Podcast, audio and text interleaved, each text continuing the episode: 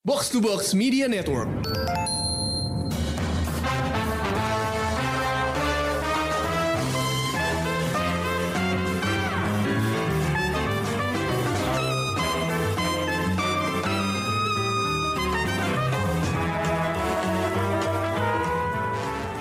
Halo pendengar Showbox, selamat datang di Anglo Review. Balik lagi sama gue Rengga yang bakal membahas film robot-robotan bang bang duar duar kabum yang baru aja rilis minggu kemarin. Ya bener banget kita bakal bahas Transformers Rise of the Beast.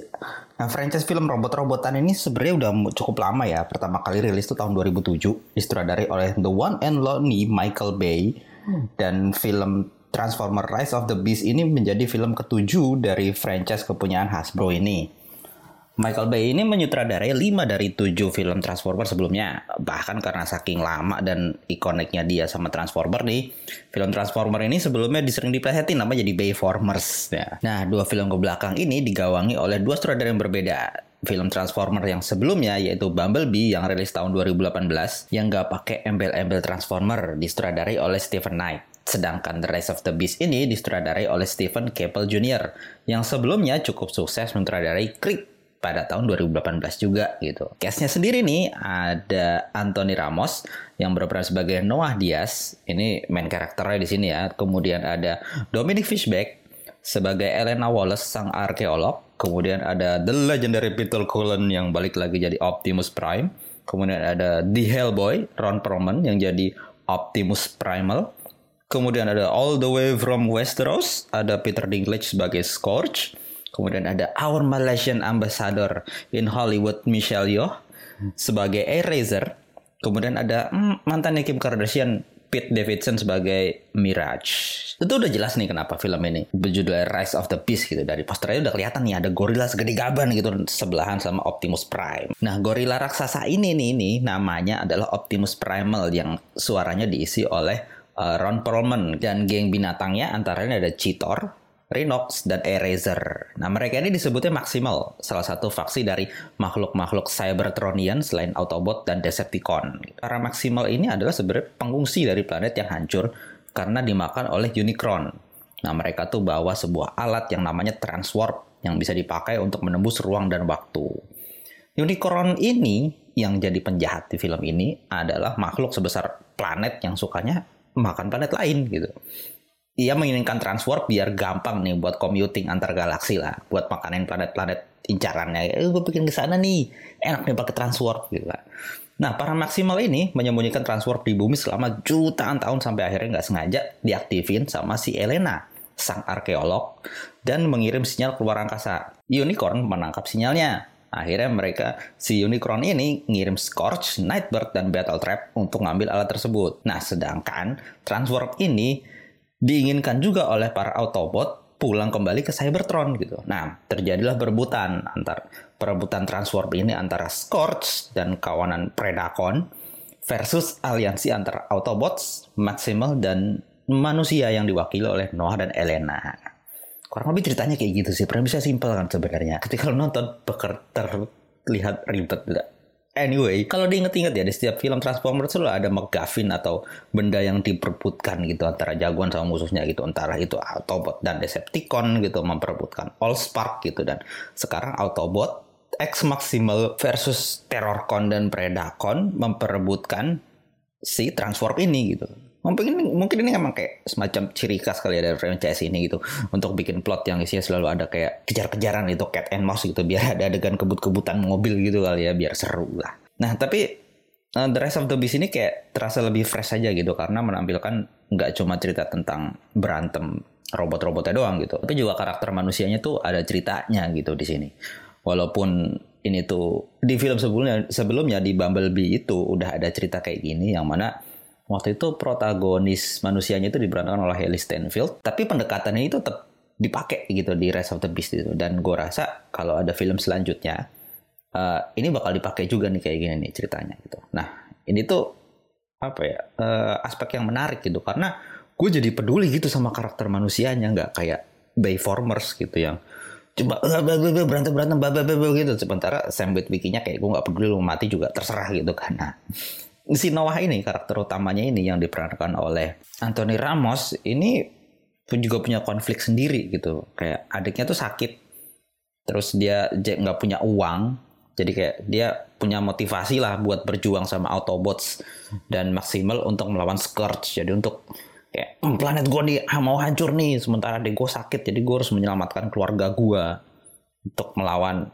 Unicron gitu, menyelamatkan bumi gitu. Nah Nah ini juga yang menjadikan Bumblebee dan Rise of the Beast ini jadi beda dengan seri-seri eh, B4 sebelumnya lah.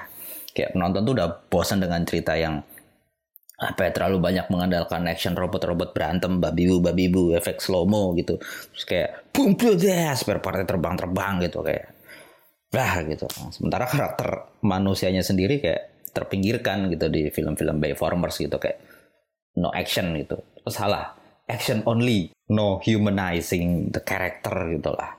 Kayak karakter manusia itu cuma tempelan aja gitu loh. Nah penampilan dari si Anthony Ramos ini kayak sebagai Noah Diaz gitu. Dan Dominic Fishback sebagai Elena itu juga lumayan bisa menarik simpati lah gitu. Apalagi interaksi antara si Noah dan adiknya gitu yang cukup lucu kayak mereka punya punya nickname masing-masing gitu. Sonic and Flash kemudian Mirage bisa jadi Knuckles gitu. Itu sangat memberikan efek 90-annya gitu touchnya bagus banget gitu. Tapi interaksi mereka tuh bisa jadi bikin simpati gitu sama karakter si Noah dan adiknya ini gitu.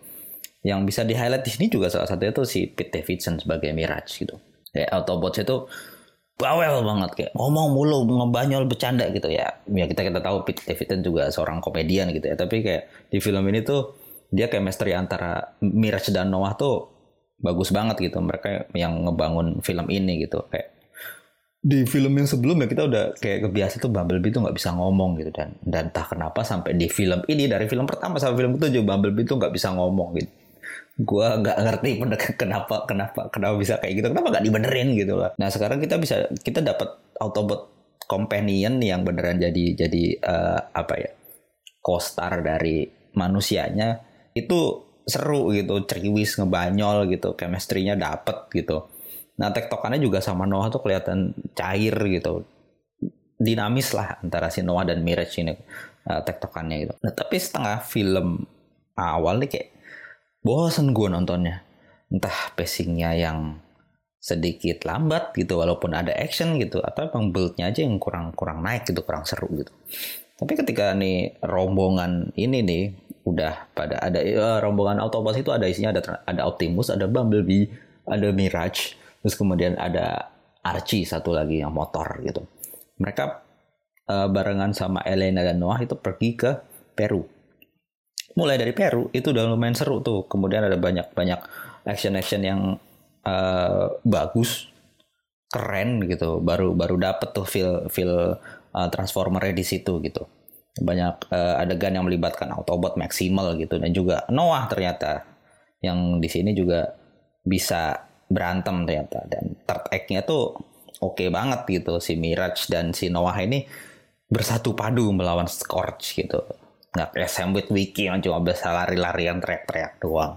Chemistry antara si Noah dan Mirage yang dibangun dari awal film sampai um, mau last battle ini juga terbayar akhirnya di di per, apa pertempuran terakhir melawan Scorch gitu. Kayak ah si Noah tuh bisa berantem juga gitu. Kan cuma gitu-gitu aja gitu. Endingnya itu ternyata menyimpan surprise gitu. Kalau kalian pemerhati action figure ya kalian udah bisa kalian tahu lah kalau Hasbro tuh punya satu franchise film lagi uh, yang udah lama gitu. Belum nongol dan mungkin mau dibangkitin lagi di film ini gitu kan. Kayak crossover yang keren gitu. Tapi sayangnya bukan Dominic Toretto yang nongol ya buat ngerekrut Noah atau Optimus gitu. Sangat disayang. Ya overall film ini lumayan seru gue kasih tiga bintang dari lima bintang gitu nah film yang sangat menghibur. Very very summer blockbuster gitu. Ratingnya semua umur jadi kalian bisa bawa anak adik kakak ayah ibu paman baby sepupu kakek nenek kencang cing nyak babe untuk nonton film ini gitu. Gue nonton film ini jam 8 malam. Studionya penuh. Dan gue kaget gitu. Karena besoknya hari Senin. Mana hari Senin itu sangat horor untuk karyawan dan anak sekolah. Tapi studionya full gitu jadi kita bisa berasumsi bahwa nonton kita masih cinta dengan Autobots dan masih ingin melihat Optimus mencabik-cabik Megatron, Decepticon, Predacon, Terrorcon, dan kon-kon-kon lainnya lah. Gue Rengga, untuk Showbox Podcast. Sampai ketemu lagi di episode selanjutnya. Bye bye.